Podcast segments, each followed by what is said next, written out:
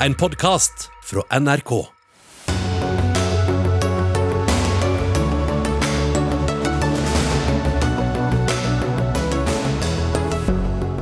Senterpartiet vil bytte departement for rovdyrpolitikken og gi ansvaret til Landbruksdepartementet. Handler ulv og bjørn mest om naturmangfold eller om landbruk? En milliardær tok turen i retning verdensrommet i går. Snart følger en annen etter. Nå mener romentusiaster at startskuddet for romturisme har gått. Venstre krever omkamp om rusreformen, frykter Arbeiderpartiet ble påvirket av Norsk Narkotikapolitiforening. Omkamp blir det på valgdagen, svarer Arbeiderpartiet. Og Equinor henter fram igjen planene for Wisting-feltet i Barentshavet etter koronaskattepakken til oljenæringen. Nå advarer Miljødirektoratet mot hastverk. Ny uke, ny Dagsnytt 18, hvor vi også skal diskutere Blindeforbundet, som banker på dører for å samle inn penger, samtidig som de har millioner på bok. Jeg heter Sigrid Solund. Men vi begynner sendinga i England. Der er det dagen derpå siden fotballandslaget tapte mot Italia etter straffesparkkonkurranse i EM-finalen i går. Etter kampen brøt ut opptøyer i flere engelske byer. I London ble 19 politifolk skadd og 49 personer arrestert. Og hvordan har natten og dagen i dag vært, Johan Bull, du er reporter i London for NRK? Ja, i natt så var det jo veldig mye opptøyer. Mye knusing av flasker, og folk var ikke så veldig glad. Men i dag så er det litt mer rolig. Det er opprydning. Og folk er ganske rolige og stille, egentlig. Lei seg fordi de tapte i fotball-EM. Og det er sikkert noe mange kan skjønne at de er skuffa og lei seg, men hvorfor har de tatt til gatene av den grunn? Ja, Det kan man spørre. og Det begynte jo like før kampstart, hvor ca. 100 uh, fotballsupportere klarte å ta seg inn. Ikke helt inn til stadion, men til inngangspartiet. Og politi mistet rett og slett kontrollen akkurat der og da. Hvorfor? Det er mange som spør seg. mange mener at det er ikke fotballsupportere, dette er bare en gjeng med pøbler. Og de har nok rett i det, fordi jeg var utenfor Wembley stadion under kampen. Og det var uh, veldig mange som ikke var så veldig interessert i fotball. De var mer interessert i å drikke alkohol og nyte uh, uh, drugs og slike ting. Og hvordan takler engelskmennene ellers dette nederlaget? Nei, De takler det jo, men de syns jo det er veldig trist. De siste to månedene så har man hørt 'football's coming home' overalt hvor man går. Og de trodde virkelig at denne gangen så skulle de klare det. Jeg vet at de gjør det hver eneste gang det er et fotballmesterskap. Så tror de og håper i det lengste, men denne gangen kom de til en finale. Og jeg tror mange tenker vi kom i hvert fall til en finale denne gangen. Neste gang, fotball-VM, da, da skal vi klare det. Imens får dere kose dere med, med, regnet i London. Takk skal du ha, Johan Bull. Men det har jo også kommet ganske mange reaksjoner. Nasnin Kavn Østrem, du er kommentator i Aftenposten og har også skrevet bok om London. Spillerne Rashford, Sancho og Saka er blitt utsatt for hets og rasisme etter at de bomma på, bomma på ballen i går. Hva slags hets er det de har fått? Nei, De har jo opplevd å få den veldig klassiske hetsen som handler om apekatt-emojier, hvor n-ordet har blitt flittig brukt. Så det går jo på god gammeldags rasisme, dette her, rett og slett. Og hvem er det som står bak dette? Nei, Det er jo alle mulige typer si, folk som er engasjert i fotballen. Um, og det er jo interessant at Twitter har jo måttet slette over 1000 um, tweets som har inneholdt rasisme. Så det, det, sier jo seg selv at det er ganske mye forskjellige folk. Men jeg synes det er ganske viktig å understreke at dette gjelder bare en liten, liten del av den britiske befolkningen som oppfører seg sånn, og som har slike holdninger. Hvor mye mangfold er det i engelsk fotball? Det er mye mangfold i britisk fotball. Det er veldig mange dyktige svarte spillere. Det er veldig mange dyktige spillere som har veldig ulik bakgrunn. Og det var veldig interessant. Det var en meme som florerte i, i, i tiden før, før, kampen, som viste at det britiske fotball, eller engelske fotballaget hadde ikke vært det det har vært uten innvandring. Så det sier veldig mye om hvor altså, flerkulturelt og mangfoldig England er, og ikke minst det engelske fotballandslaget. Både landslaget selv og statsminister Boris Johnson har uttalt seg. Hva er det de har sagt i dag?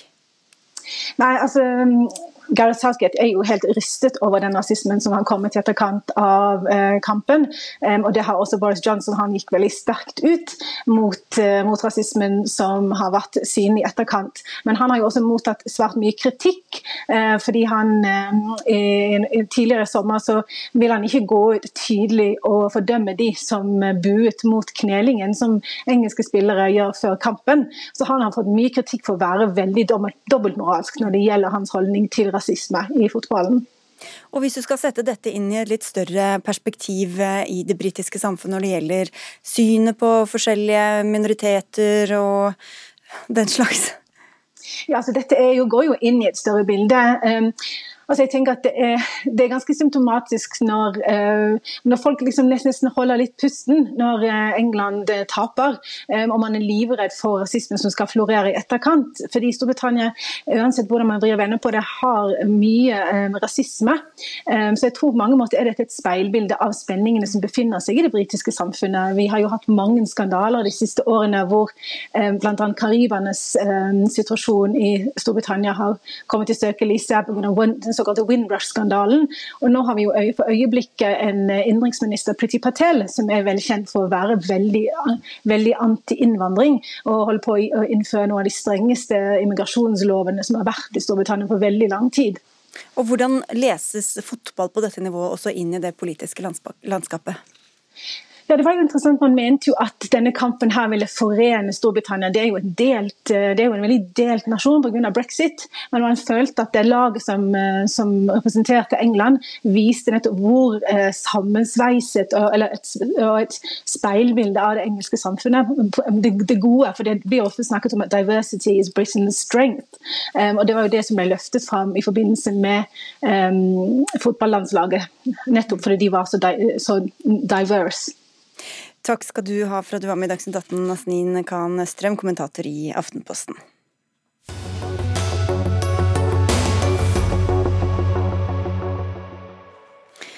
Til høsten er det stortingsvalg, og blir det regjeringsskifte, kan det jo også bli bytte av ikke bare statsråder, også departementenes ansvarsområde kan bli stokket om på.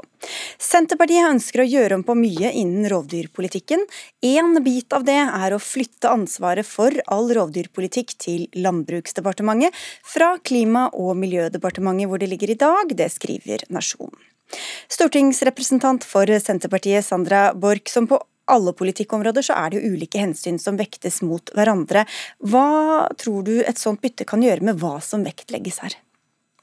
Det er jo ikke noe nytt at Senterpartiet mener at rovdyrforvaltninga bør ligge hos eh, Landbruksdepartementet. Og det handler, og det har vi sett eh, de siste årene særlig, at eh, i Miljødepartementet så har man lagt seg på en vernelinje også når det gjelder Eh, gjelder rovdyr. Eh, vi tror jo at man kan få en mer eh, realistisk tilnærming til rovdyrpolitikken med å legge det til Landbruksdepartementet, som, som også da er hovedbudskapet at de skal se beitenæringa i, i, større grad. Og så må jeg bare få understreke at vi, vi skal ha både forvaltning av rovdyr og beitedyr, eh, men jeg tror det er helt rett å legge eh, rovdyrforvaltninga til Landbruksdepartementet. For da får man også en aktiv politikk for, eh, for beitedyrene i dette landet. Ja, Du kommer med et skifte automatisk bort fra en miljø- og vernelinje, sier du til Nasjonen. Hvorfor skal ikke rovdyr være en miljøsak? Eh, all forvaltning vi gjør er jo en miljøsak, men nå ser vi at eh, den politikken som føres av denne regjeringa, og som har vært ført av Venstre i regjering, eh, er eh, ikke til gunst for beitedyrene. Og vi har jo en tosonepolitikk i Norge i dag hvor du har rovdyrprioriterte områder og så har du beiteprioriterte områder. Nå har vi opplevd i mitt fylke i Troms store angrep av bjørn til sau i det som skal, er beiteprioriterte områder. Og så opplever vi en trenering fra forvaltninga og særlig Miljødepartementet, hvor man ikke får tatt ut det skadedyret. Og dette er da i områder hvor det ikke skal være rovdyr. Ok, Så det er ikke en miljølinje, da? Eh, det vil det jo være, for vi skal jo ha en bærekraftig forvaltning av både rovdyr og beitedyr. Men nå favoriseres rovdyrene i altfor stor grad eh, enn det vi ønsker. Anne Breivik, stortingskandidat for eh, Venstre i denne sammenhengen.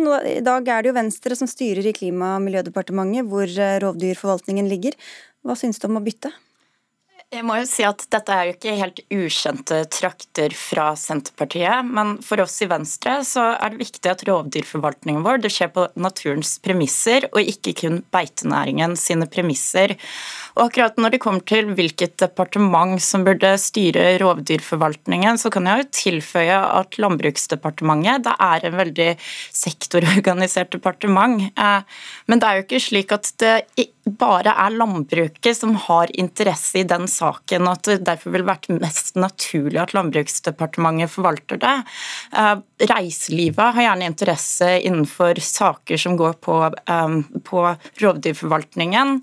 De som bor i disse områdene har det, og i bunn og grunn har vi jo alle det i og med at ulven og rovdyrene er en del av norsk natur. Og jeg tror KLD er mye bedre egnet til å ta vare på helheten i forvaltningen av rovdyr altså Klima- og miljødepartementet. Men, ja. men, en regjering styrer på den samme politikken uansett hvem som har ansvar, hvilken statsråd som har ansvar. Hvorfor er det så viktig da hvor politikken ligger? Fordi i Klima- og miljødepartementet så behandler man en rekke andre ulike saker. De forvalter nasjonalparkene våre, skogbrukssaker, grunneiersaker. Og man har rett og slett bedre spisskompetanse til å ta vare på helheten på det biologiske mangfoldet som rovdyrene er en del av. Sandra Borch. Ja, nå viser jo all erfaring de siste årene at rovviltforliket, som har et bredt politisk flertall bak seg, ikke blir fulgt opp av Klima- og miljødepartementet. Og Det kan jo være en like stor grunn at det er Venstre som sitter og styrer det, for de har trenert eh, rovdyrpolitikken i Norge de siste, siste, årene. og Det har gjort at vi opplever store utfordringer nå i det som er beiteprioriterte områder. Både når det kommer til husdyr som, eh, som sau, men også reindrifta sliter kraftig. Og det gjør jo inntrykk. Nå har jeg brukt eh, store deler av min tid de tre siste ukene på å gå tilsyn eh, for å sjekke til våre egne sauer. Og, og, og, Det gjør inntrykk når du møter bønder som nå legger ned drifta si pga. massive rovdyrangrep. Så nå må jo Venstre ta tak og følge opp det rovviltforliket som som har et bredt politisk flertall eh, bak seg. For det, den politikken som føres nå, den er ikke til gunst for beitenæringa. Jeg opplever at det inntrykket som skapes her, også er ganske, ganske misvisende. Altså I dag så har vi rekordlave tap av beitedyr, selv om den offentlige debatten tilsier noe annet. Og Vi må basere rovdyrforvaltningen vår på fakta, på kunnskap, fremfor frykt og følelser. Eh, det er en realitet at dagens bestandsmål også er så lave at vi ikke klarer å oppfylle forpliktelsene vi har i henhold til Bernkonvensjonen og naturmangfoldsloven. Eh, og jeg opplever også at det Senterpartiet tar til orde for her akkurat nå, også er, eh, går enda lengre sånn sett. Men hvis jeg prøver å dra det litt tilbake til utgangspunktet her, eh, Sandra Borch. Norsk politikk skal jo både ta vare på rovdyr, bønder og på husdyr. Hvem tror du i Landbruksdepartementet vil tale rovdyrenes sak? Altså, skal, og Senterpartiet skal jo òg ha en fornuftig forvaltning av både rovdyr og beite, beitedyr. Men nå eh, opplever jo vi at rovdyr, eh, rovdyrene blir favorisert i det som er beiteprioriterte områder. Eh, og si at vi spiller på frykt, så vil jeg jo anbefale Venstre å komme seg ut, ja, møte hvis, de bøndene som nå er Jeg prøver å holde meg litt til saken her, men dette departementsskiftet, dette er jo noe vi diskuterer ofte, da. Men siden du ja. sier til avisa Nasjonen at miljølinja blir forlatt ved et sånt bytte av departement, så sier du vel vel også at Landbruksdepartementet ikke er så opptatt av miljø og vern, da? jeg er opptatt av en fornuftig forvaltning hvor man også ser beitenæringa, som er en viktig del av norsk natur, som er en viktig del av kulturlandskapet vi har i Norge. Så det jeg ønsker meg, det er jo først og fremst at vi skal følge opp det rovviltforliket som veldig mange partier står bak. Og det tror jeg at eh, Landbruksdepartementet i større grad klarer å oppfylle enn det vi har sett en rekke eksempler på i Klima- og miljødepartementet de siste årene, hvor vi opplever et byråkrati som trenerer skadefellingstillatelser, som, eh, som eh, blir søkt om fra kommunene, og som Venstre i Klima- og miljødepartementet og byråkrater i departementet ikke, ikke følger opp, men trenerer. Og Det har gjort at vi har fått massive angrep i områder der det ikke skal være rovdyr. Et annet moment som taler imot å flytte rovdyrforvaltningen til Landbruksdepartementet, er jo at Statens naturoppsyn spiller en enormt viktig rolle i dette. Skal vi flytte noen av deres arbeidsoppgaver til et annet departement, så vil det fragmentere Statens naturoppsyn. Det tror jeg ikke er en god idé, verken for landbruket eller for rovdyrforvaltningen. Men når det er et område som er preget av så mye konflikt som det tross alt er her, hvorfor er det ikke lurt at ett og samme departement har ansvaret for alt og kan veie disse ulike hensynene opp mot hverandre? Fordi det er flere interessenter enn kun beitenæringen eller kun landbruket som har å gjøre med rovdyrforvaltningen. Som sagt så spiller biologisk mangfold en utrolig viktig rolle. De største rovdyrene i Norge de er utrydningstruede, og da må man også se det i et større perspektiv tilknyttet klima, miljø, biologisk mangfold. Sandra Borg. Ja, jeg vil også understreke at SNO har en eh, viktig oppgave. og Nå har jeg vært så heldig å, å altså snakke med veldig, naturoppsyn? Ja. Statens naturoppsyn, ja. Vært så heldig å få møtt veldig mange av dem som gjør en, en, en innsats nærmest på, på, på dugnad også. Eh, og jeg tror at også de eh, vil gjøre en, en, god jobb, uavhengig av hvilket departement det ligger under. Men poen, poenget her er jo sånn sett ikke hvilket departement det skal ligge i, men at vi må nå begynne å følge opp det Stortinget har vedtatt. Og det er nemlig at det ikke skal være rovdyr i beiteprioriterte områder. Det er et eh, absolutt. Og det merker jeg meg at eh, Venstre og regjeringa nå har trenert i åtte år. Ok, Du skal få en avsluttende kommentar her, Anne Breivik. Eh, ja, jeg kan jo bare legge til grunn nå til sist også at det er viktig for oss at rovdyrforvaltningen det skjer på naturens premisser. og Det er ikke kun næringshensyn eller landbrukshensyn som spiller en rolle her. Og så kan jeg legge til at rovdyr har også en selvstendig verdi som kan anerkjennes. Takk skal du ha, Anne Breivik fra Venstre. Deg skal vi se litt seinere i sendinga. Og takk til deg, Sandra Borch fra Senterpartiet.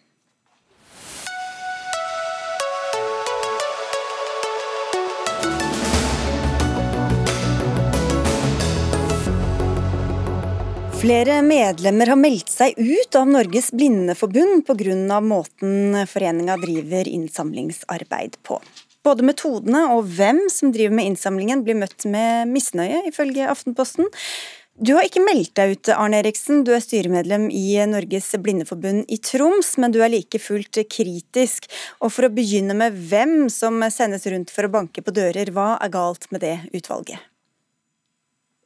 Eh, så vidt jeg vet, så den informasjonen vi har fått, så er det innleide folk utenfra som da er henta inn. Og de har da uh, veldig lite peiling på Blindeforbundet, så de må opplæres og instrueres før de sendes ut med det formål at de skal samle inn mest mulig faste givere, altså penger.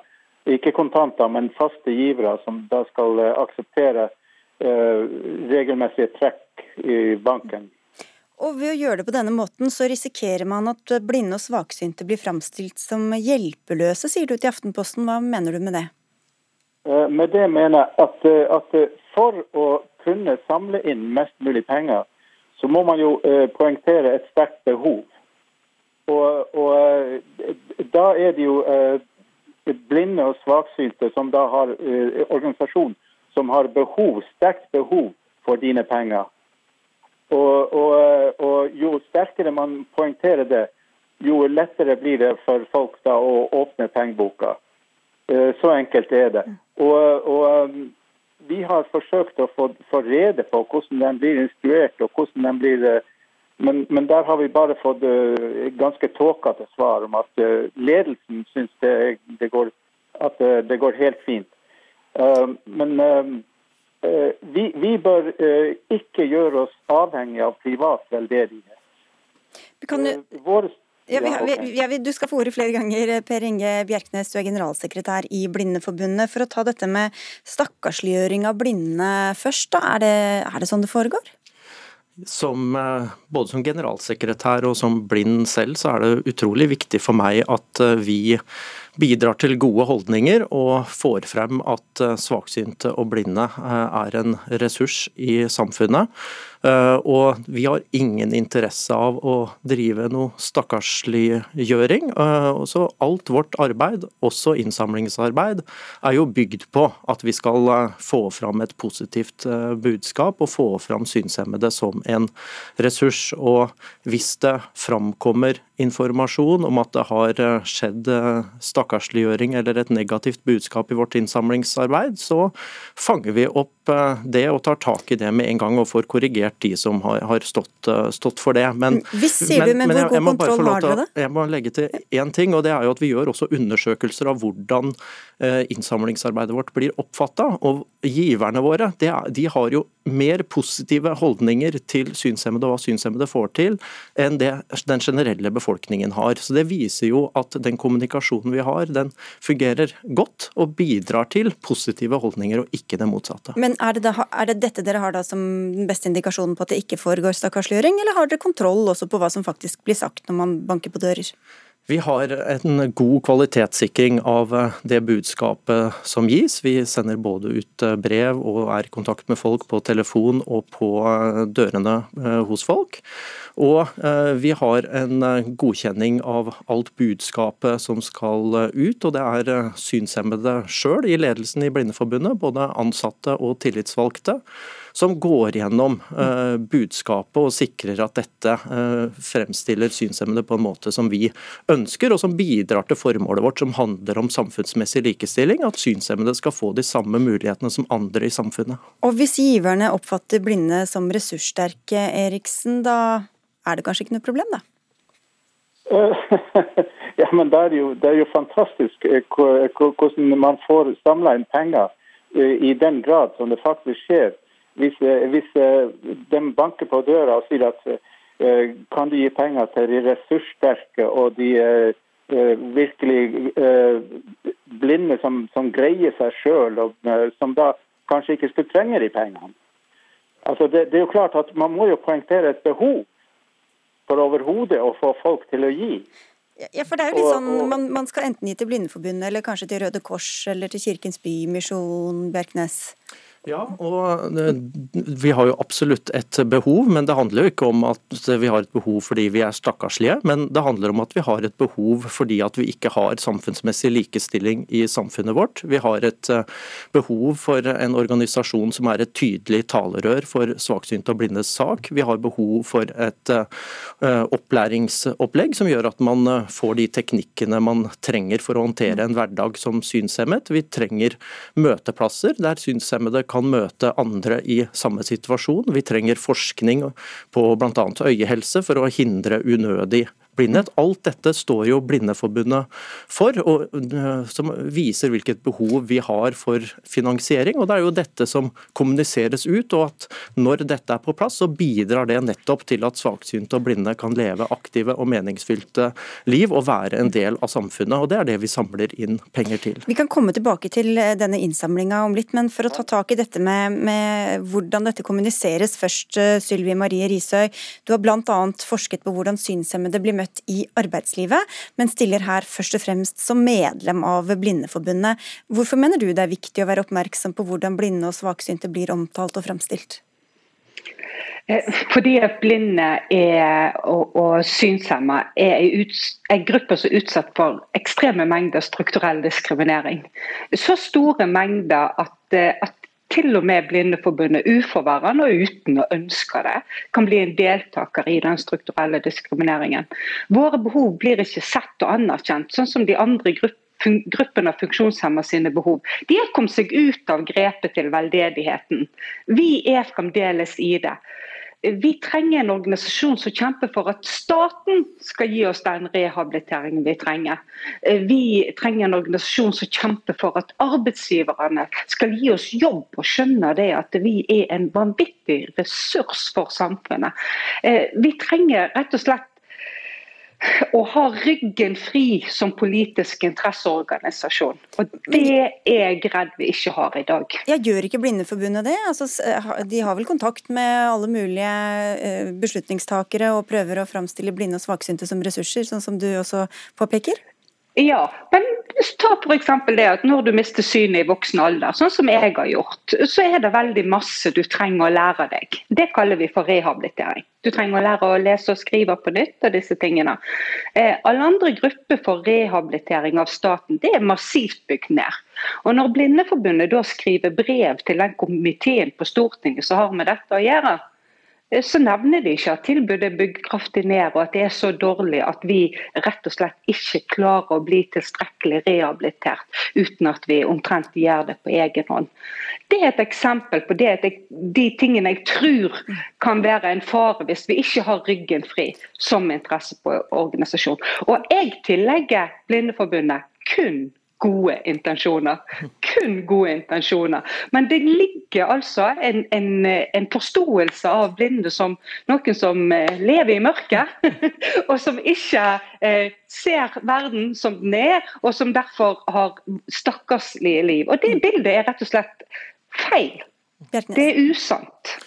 Jeg, jeg, er jo enig i veldig mye av det Sølvi Marie sier, og det er veldig fint å ha Sølvi Marie med, som kan også påpeke når vi eh, tråkker feil i vår språkbruk, for det kan man selvfølgelig eh, alltid, alltid, gjøre.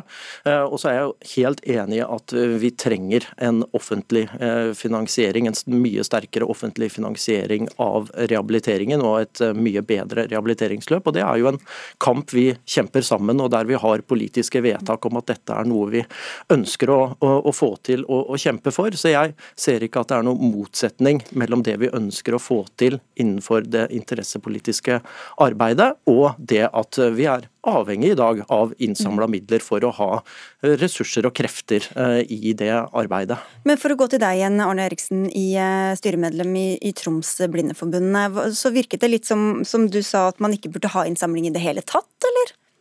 Nei, nei, det har jeg ikke sagt. Men, altså, men den innsamlingsmetoden med dørbanking, den, den, er veldig pågående og nesten aggressiv. Og, og den, den, er veldig uheldig. Fordi at der, der, må man over dørterskelen så må man poengtere at det, behovet er veldig sterkt. Ellers så vil man rett og slett ikke få penger. Uansett hva, hva nå generalsekretæren sier. Øh, men, men øh, alle de behovene som generalsekretæren nevner, det, det, er jeg helt enig i. Vi, det, det, er behov som vi har. Men den bør jo ikke finansieres via privat veldedighet. Vi må ikke gjøre oss avhengig av privat veldedighet. Vi må, vi må gå på uh, offentlig budsjett, på statlige, fylkeskommunale, kommunale budsjett. Det er der vi, vi, må, vi må nå frem i det politiske miljøet og i opinionen ellers uh, om at uh, vi, eh, at vi, må, vi har rett til, eh, til, likestilling og lik tilgang på de fleste tilbud som, som folk ellers har i samfunnet. Ok, ok, Vi skal bare få inn Bjerknes på dette økonomiske. Dere hadde et overskudd i fjor på 27,5 millioner, 326 millioner i egenkapital. Riktignok er en del av det bundet opp. Men hvorfor skal dere da drive så pågående, eller i hvert fall oppsøkende innsamlingsvirksomhet? Eh, vi har ikke ikke mer oppsamla eh, midler på, på, bok enn at vi har til drøyt halvt års eh, reserve hvis eh, våre inntekter forsvinner. Og med over 300 ansatte og mye virksomhet som ja, kursvirksomhet i ulike deler av landet, fylkeskontor og sånn som synshemmede er avhengig av, så er ikke det en større reserve enn jeg mener at vi trenger. Men uh, uavhengig av hvor stor den reserven skal være, så trenger vi uh, den, de innsamla midlene for å drive den daglige aktiviteten uh, vår, eh, både innenfor interessepolitikk, eh, rehabilitering osv. Og så eh, er jeg helt enig med Arne Eriksen, og det har vi politiske vedtak om at vi skal kjempe for økt offentlig finansiering. Så jeg håper jo absolutt at vi skal styrke også andre finansieringskilder. Men så må jeg få lov til å korrigere, for det er jo ikke sånn at denne innsamlingsvirksomheten er aggressiv. Vi lytter til de vi møter og tar et nei for et nei. Og det er ikke sånn at dette drives av innleide, som det ble sagt. Det er våre egne ansatte uh, som er rundt og driver denne innsamlingen, både på dørene og på telefon, og sender ut, uh, ut brev, og som er godt kvalitetssikra, sånn at vi det det. gjør dette på en god måte for alle parter. Vi må avslutte, men helt kort til slutt her, Risøy. Eh, det er kanskje lettere å drive interessepolitikk også hvis man har en sterk organisasjon med litt penger å, å flekse med? Meget godt poeng. Og jeg er, Det jeg mest av alt er glad for i dag, det er å tilhøre en organisasjon som har den modenheten som skal til til at vi åpent diskuterer verdispørsmål som de vil diskutere nå. Dette er spørsmål som funksjonshemningsfeltet har jobba med de siste 150 årene. Eh, og vi jobber med de nå i Blindeforbundet. Det er naturlig. Det er naturlig at vi har disse diskusjonene fram mot landsmøtet vårt nå i september, som er det øverste organet i Blindeforbundet samfunnet der eh, politikken blir lagt for de neste årene. Hør, hør, får vi bare si fra Dagsnytt 18s eh, del også. Takk skal dere ha alle tre. Arne Eriksen, styremedlem i Blindeforbundet i Troms. Per Inge Bjerknes, generalsekretær i Blindeforbundet. Og Sølvi Marie Risøy, som også er medlem av det samme forbundet.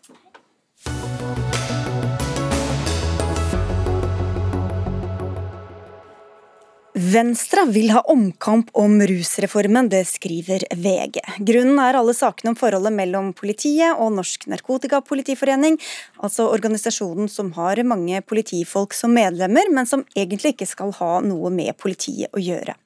De er like fullt anklaget for samrøre og rolleblanding, og nå ber Politidirektoratet om en ekstern gjennomgang av politiets mulige bindinger til foreningen. Men det kommer også anklager om uheldige bånd mellom foreningen og Arbeiderpartiet og Senterpartiet. Venstreleder Guri Melby frykter at Arbeiderpartiet stemte nei til eh, rusreformen pga. påvirkning fra Norsk Narkotikapolitiforening. Melby gikk ut i ferie i dag, men Ane Breivik, velkommen tilbake. Du er altså stortingskandidat for Venstre og første nestleder i Unge Venstre.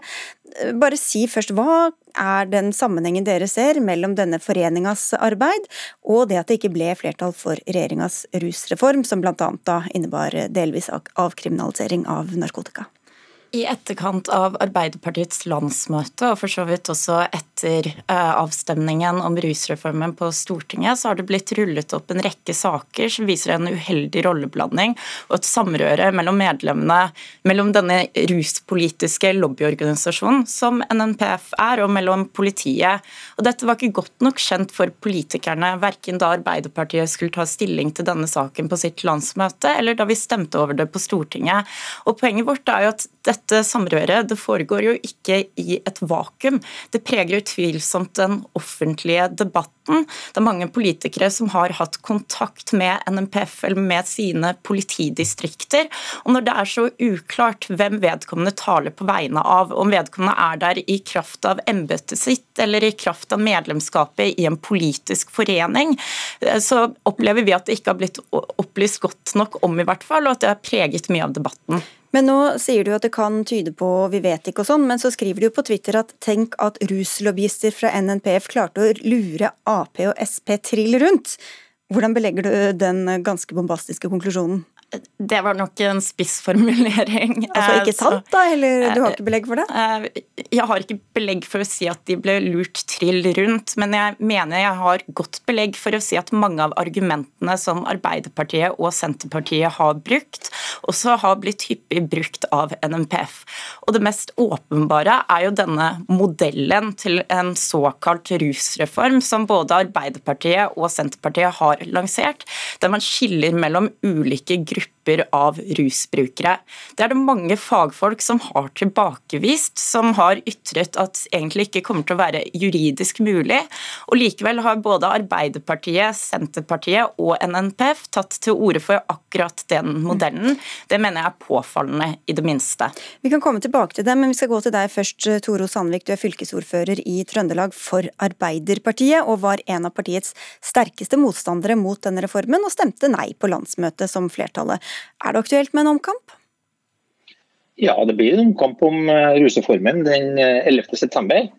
Eh, Høyre og Venstre går jo sammen med MDG inn for å liberalisere narkotika. så Da kan jo det norske folk gjennom valget bestemme seg for om de ønsker en liberalisering med avkriminalisering av narkotika for alle, eller om de ønsker å gjøre det som har vært Arbeiderpartiets hovedmål med rusreformen, at vi må gjøre det lettere å komme ut av narkotika og vanskelig å komme inn. Vi ønsker å hjelpe de rusavhengige å finne modeller som gjør at vi får en langt bedre ruspolitikk. For det er helt nødvendig å ha en bedre ruspolitikk for de rusavhengige.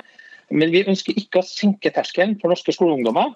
Eh, og det, Den omkampen står den 11.9. Vil du ha liberalisering av narkotikapolitikken, stem Høyre eller Venstre eller MDG. Mm. Eh, ellers så finnes det gode alternativer. Hvis du da ønsker å ha to tanker i hodet samtidig. Du, hjelpe de rusavhengige, men ikke senke terskelen. Vi håper vi får flere diskusjoner om dette, men vi skal ta tak i dette eventuelle samarbeidet eller uh, kontakten da, mellom dere og Norsk Narkotikapolitiforening først. Hvor mye innflytelse har de hatt over hvor dere landa? Ingenting, vil jeg si. De er sikkert, eh, det er sikkert folk i Arbeiderpartiet, jeg har ikke kontakt med alle 55 000 medlemmer i Arbeiderpartiet, men sikkert folk som har snakka med representanter for eh, NNPF, sånn som vi har snakka med pårørende organisasjoner, som vi har snakka med fagekspertise, som vi har snakka med folk som jobber i sektoren, på begge sider. Det er gode argumenter på begge sider av denne debatten, og jeg har vært i kontakt med veldig mange de som er med i Arbeiderpartiet. Eh, det som har påvirka meg mest når det gjelder representanter fra politiet, er jo de møtene vi har med politiet som en del av det embetet jeg har som fylkesordfører, så har vi samarbeid med politiet når det gjelder ungdom som går i videregående skoler. Og Det samme gjelder jo for en rekke av ordførerne våre, som har tett samarbeid med politiet knytta til forebygging, ikke minst opp mot rus for unge. Det gir inntrykk, for der gjør politiet en utrolig viktig jobb.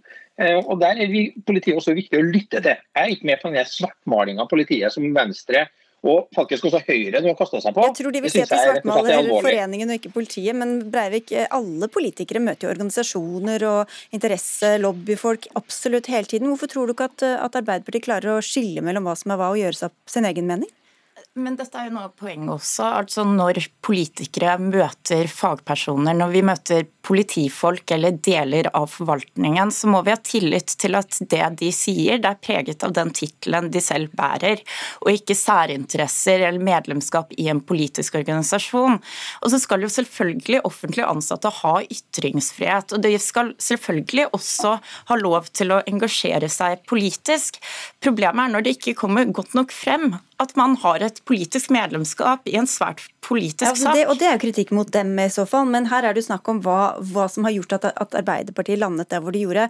At noen lander på samme konklusjon, betyr vel ikke at de nødvendigvis har hatt noe slags hemmelig samarbeid eller er blitt lurt, da, som du skriver? Det betyr ikke nødvendigvis at de har blitt lurt, nei. Men jeg tenker altså, jeg kan dra frem et eksempel. Eh, det var en sak i NRK der Sylvi Listhaug stilte opp sammen med en som jobbet i Kripos og viste frem så mye dop får du med rusreformen, egentlig. Det bare la frem masse dop på et bord.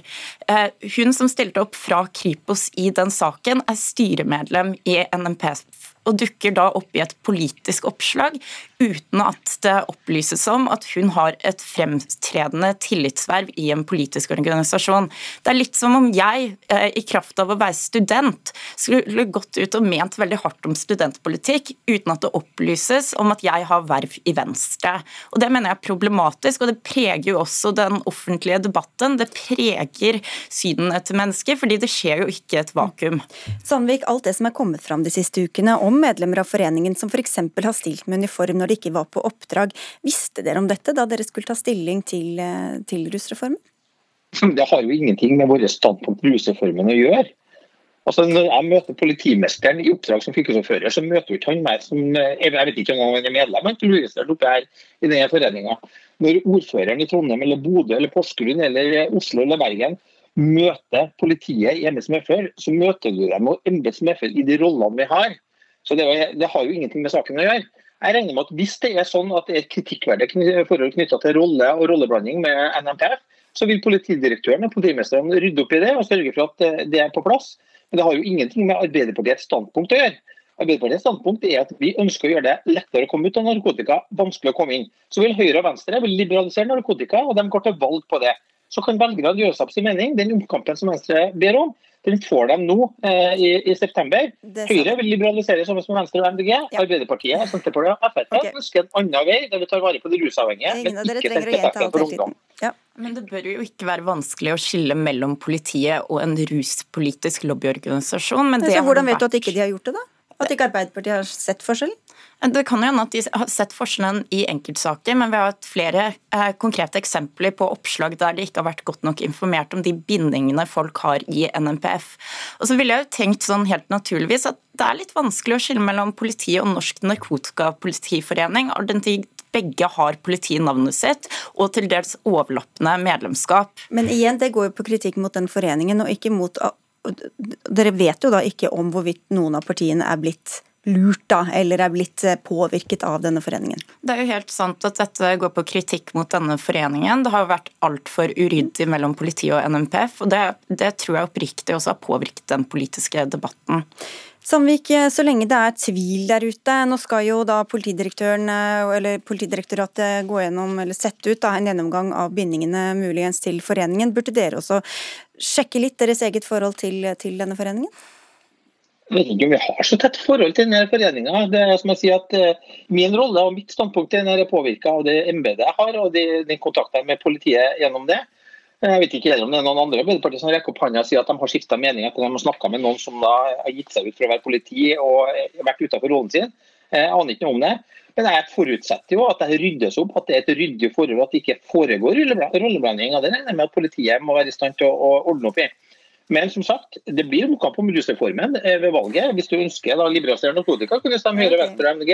Da... Ønsker du noe annet, så kan du stemme på andre partier. Det blir definitivt et valg som kommer til å handle om rusreformen. og Da kan man velge mellom et grundig faglig utredet forslag fra regjeringen til rusreformen, eller så kan man velge det Arbeiderparti-vedtaket som flere fagpersoner har gått imot, som er helt umulig å gjennomføre. Dere, skal vi si at det blir en omkamp eh, før eh, valget også, kanskje, i studio her? Takk skal dere ha, begge to. Ane Breivik fra Unge Venstre og Venstre, og Toro Sandvik, eh, fylkesordfører i Trøndelag for Arbeiderpartiet.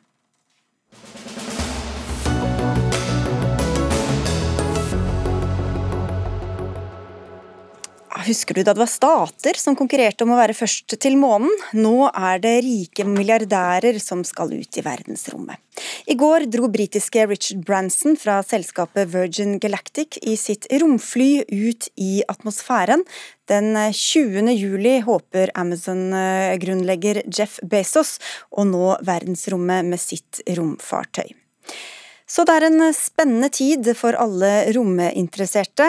I eh, mange år har du drømt om å bli turist i verdensrommet, Brage Johansen, og nå virker det som om drømmen kanskje kan være et skritt nærmere?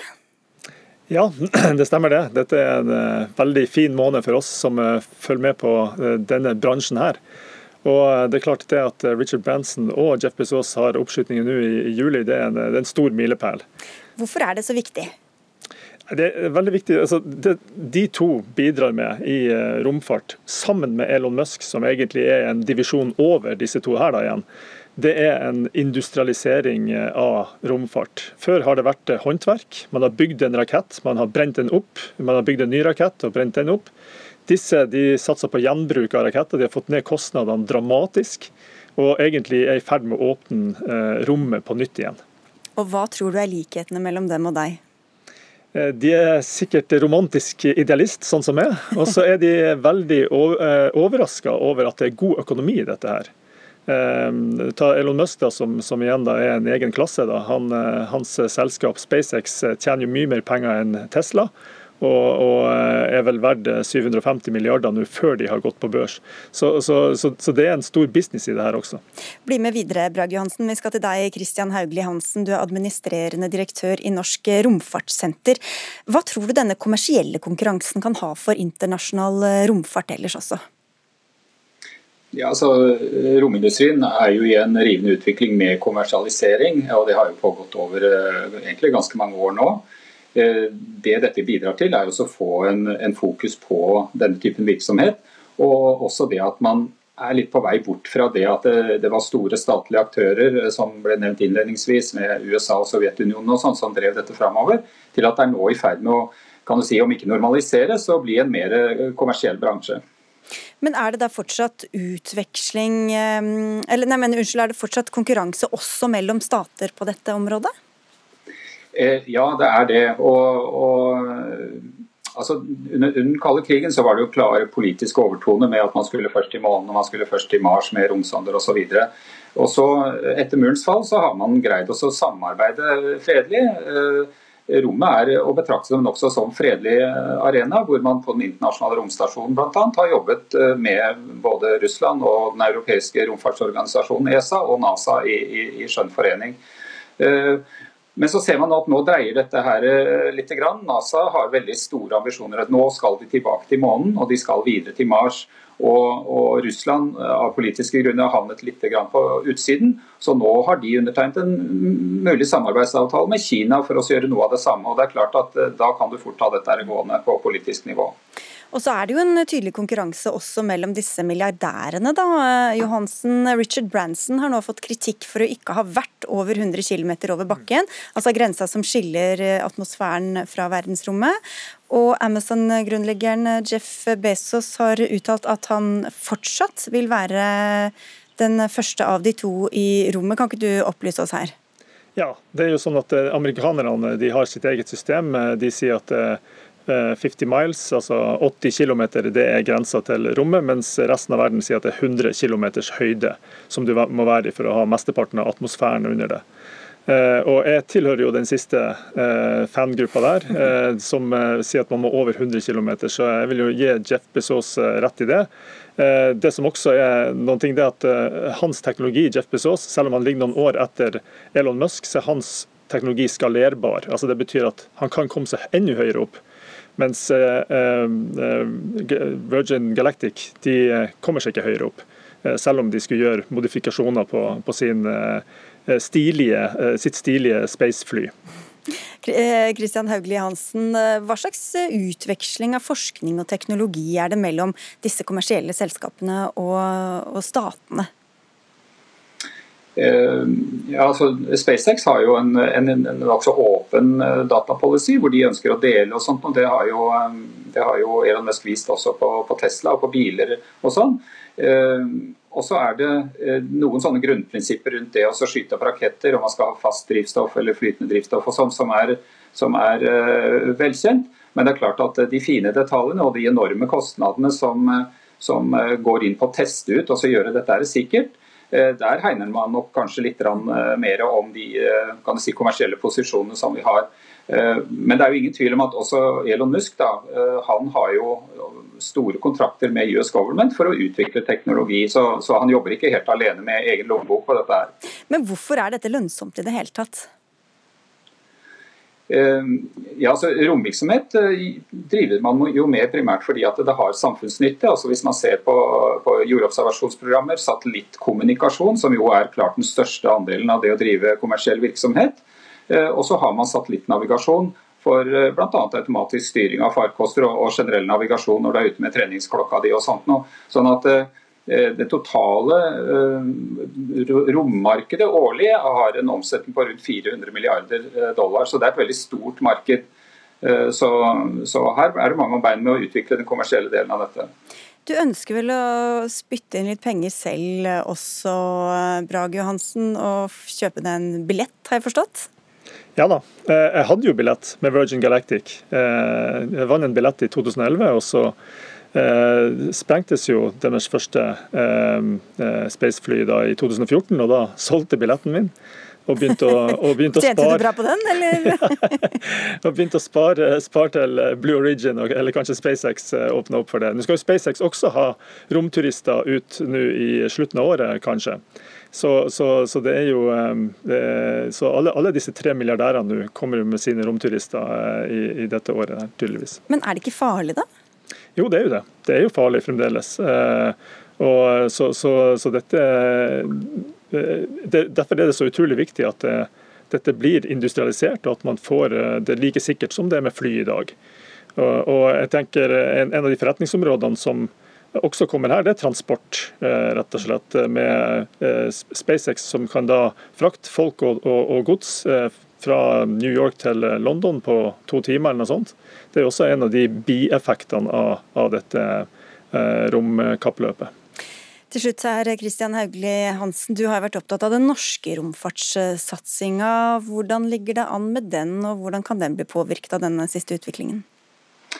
Ja, Vi er ganske flinke til å se på nye kommersielle, kommersielle muligheter. Vi har i, i, bane fem eh, små satellitter som er til daglig nytte for bl.a. overvåkning av eh, norske maritime områder. Eh, sånn at vi har, vi har industri i Norge som, som, er flinke til å se den retningen. Men det er også veldig viktig å understreke at veldig mye av den teknologien som Norge har på romsiden, den utvikler vi da som medlem av den europeiske romfartsorganisasjonen ESA. Og vi er deltakere på de store programmene der, inklusive det som har med bemannet romfart å gjøre. Spennende tider. Takk skal dere ha begge to. Kristian Haugli Hansen, administrerende direktør i Norsk Romfartssenter, og til Kristian Haugli Hansen, som håper å komme seg ut i rommet.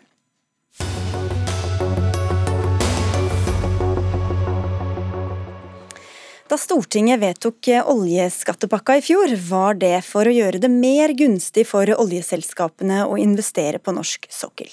Men nå advarer Miljødirektoratet mot hastverk som følge av skatteendringene.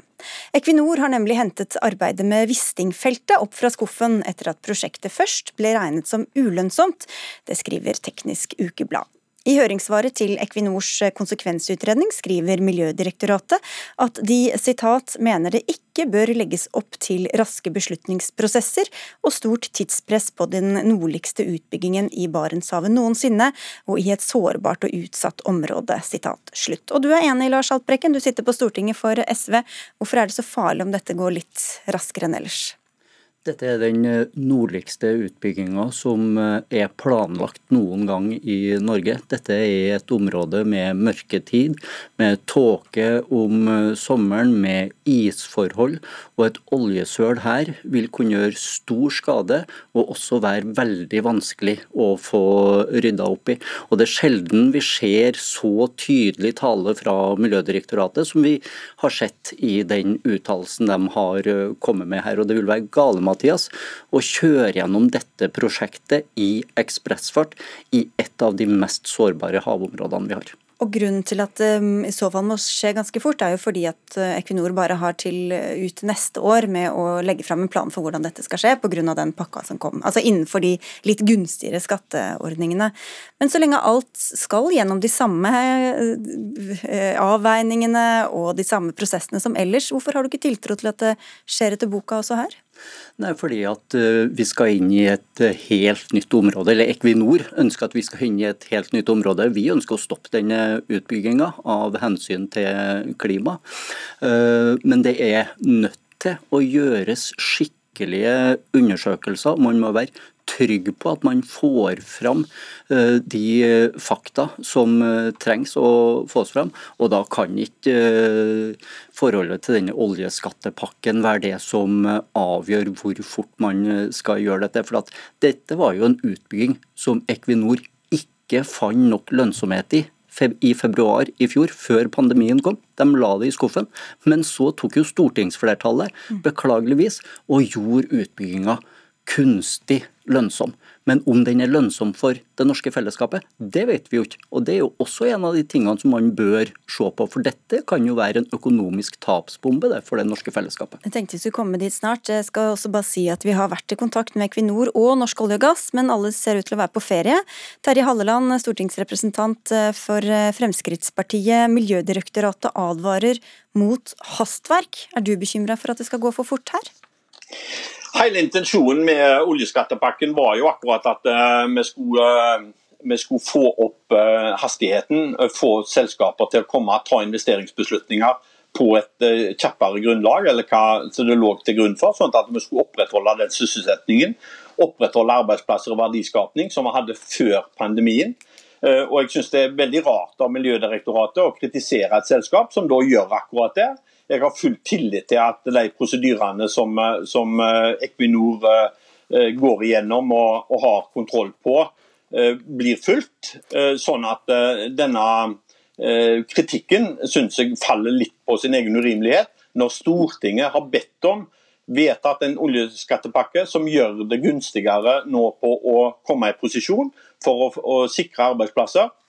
Å kritisere et selskap som da gjør det, syns jeg er merkelig. Ja, det var vel egentlig det som var intensjonen fra Stortinget, Haltbrekken?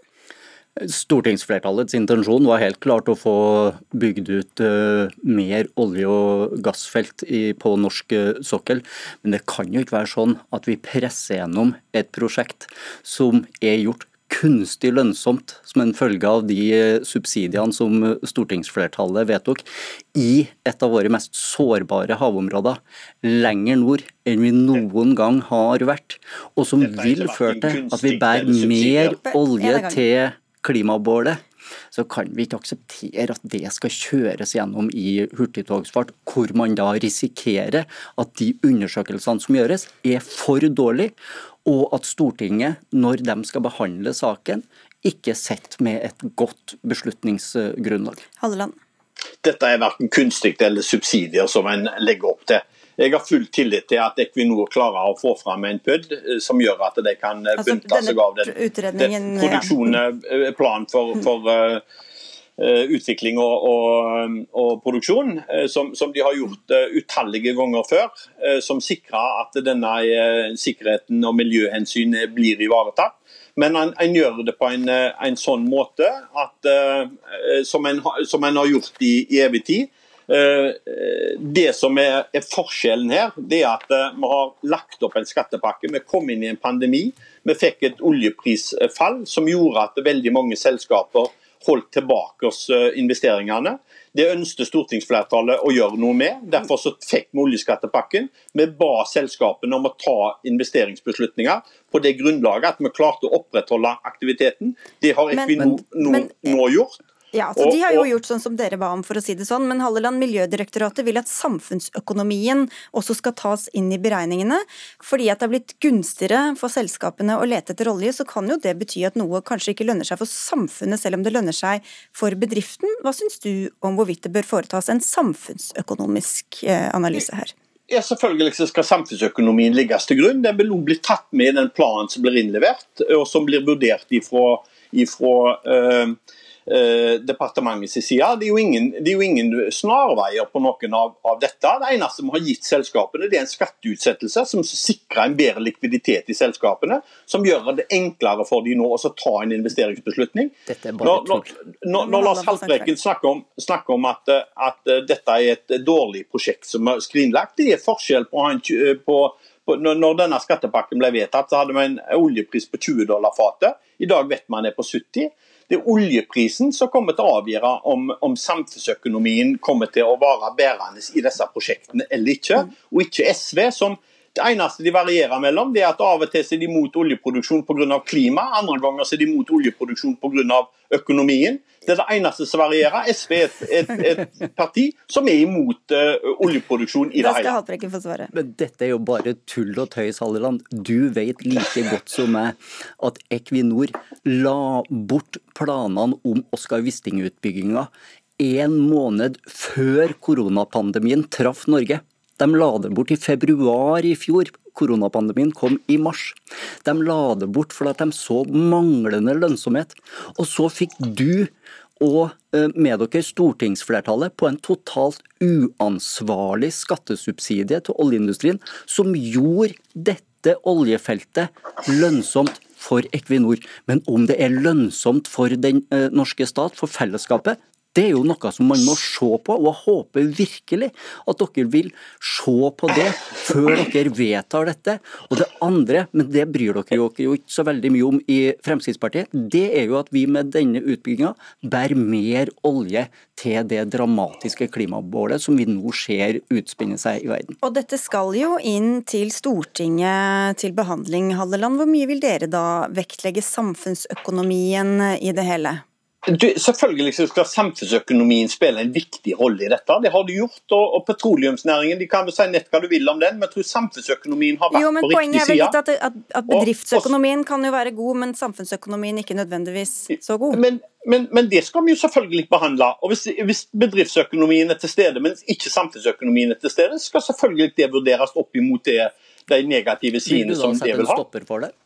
Ja, hvis, hvis, samfunnsøkonomien ikke er til stede, Lars, så, så, så, vil vi aldri vi vil ikke være med på prosjekter med som, som, ikke ivaretar den samfunnsøkonomien. Men da er vi nødt til å få en skikkelig utredning av dette, men, og da kan man ikke presse gjennom dette nei, i hurtigtogsfart uh, og presser gjennom på den noe 31.12.2022. SV var imot oljeskattepakken. Jeg kan godt forstå at uh, Lars Haltbrekken vil sitte i studio og bare mukke og være sur for at han ikke fikk gjennomslag for den. Det må han vel bare gjøre. Men nå kommer uh, Equinor, tar de signalene som, som, stortingsflertallet har gjort. Og, og, og fremskynde den investeringen som sikrer norske arbeidsplasser, norsk sysselsetting Takk skal dere ha, begge to. Sofie Lork Falk, Elisabeth Sellereite og jeg, Sigrid Solund, takker for følget og ønsker en fin kveld.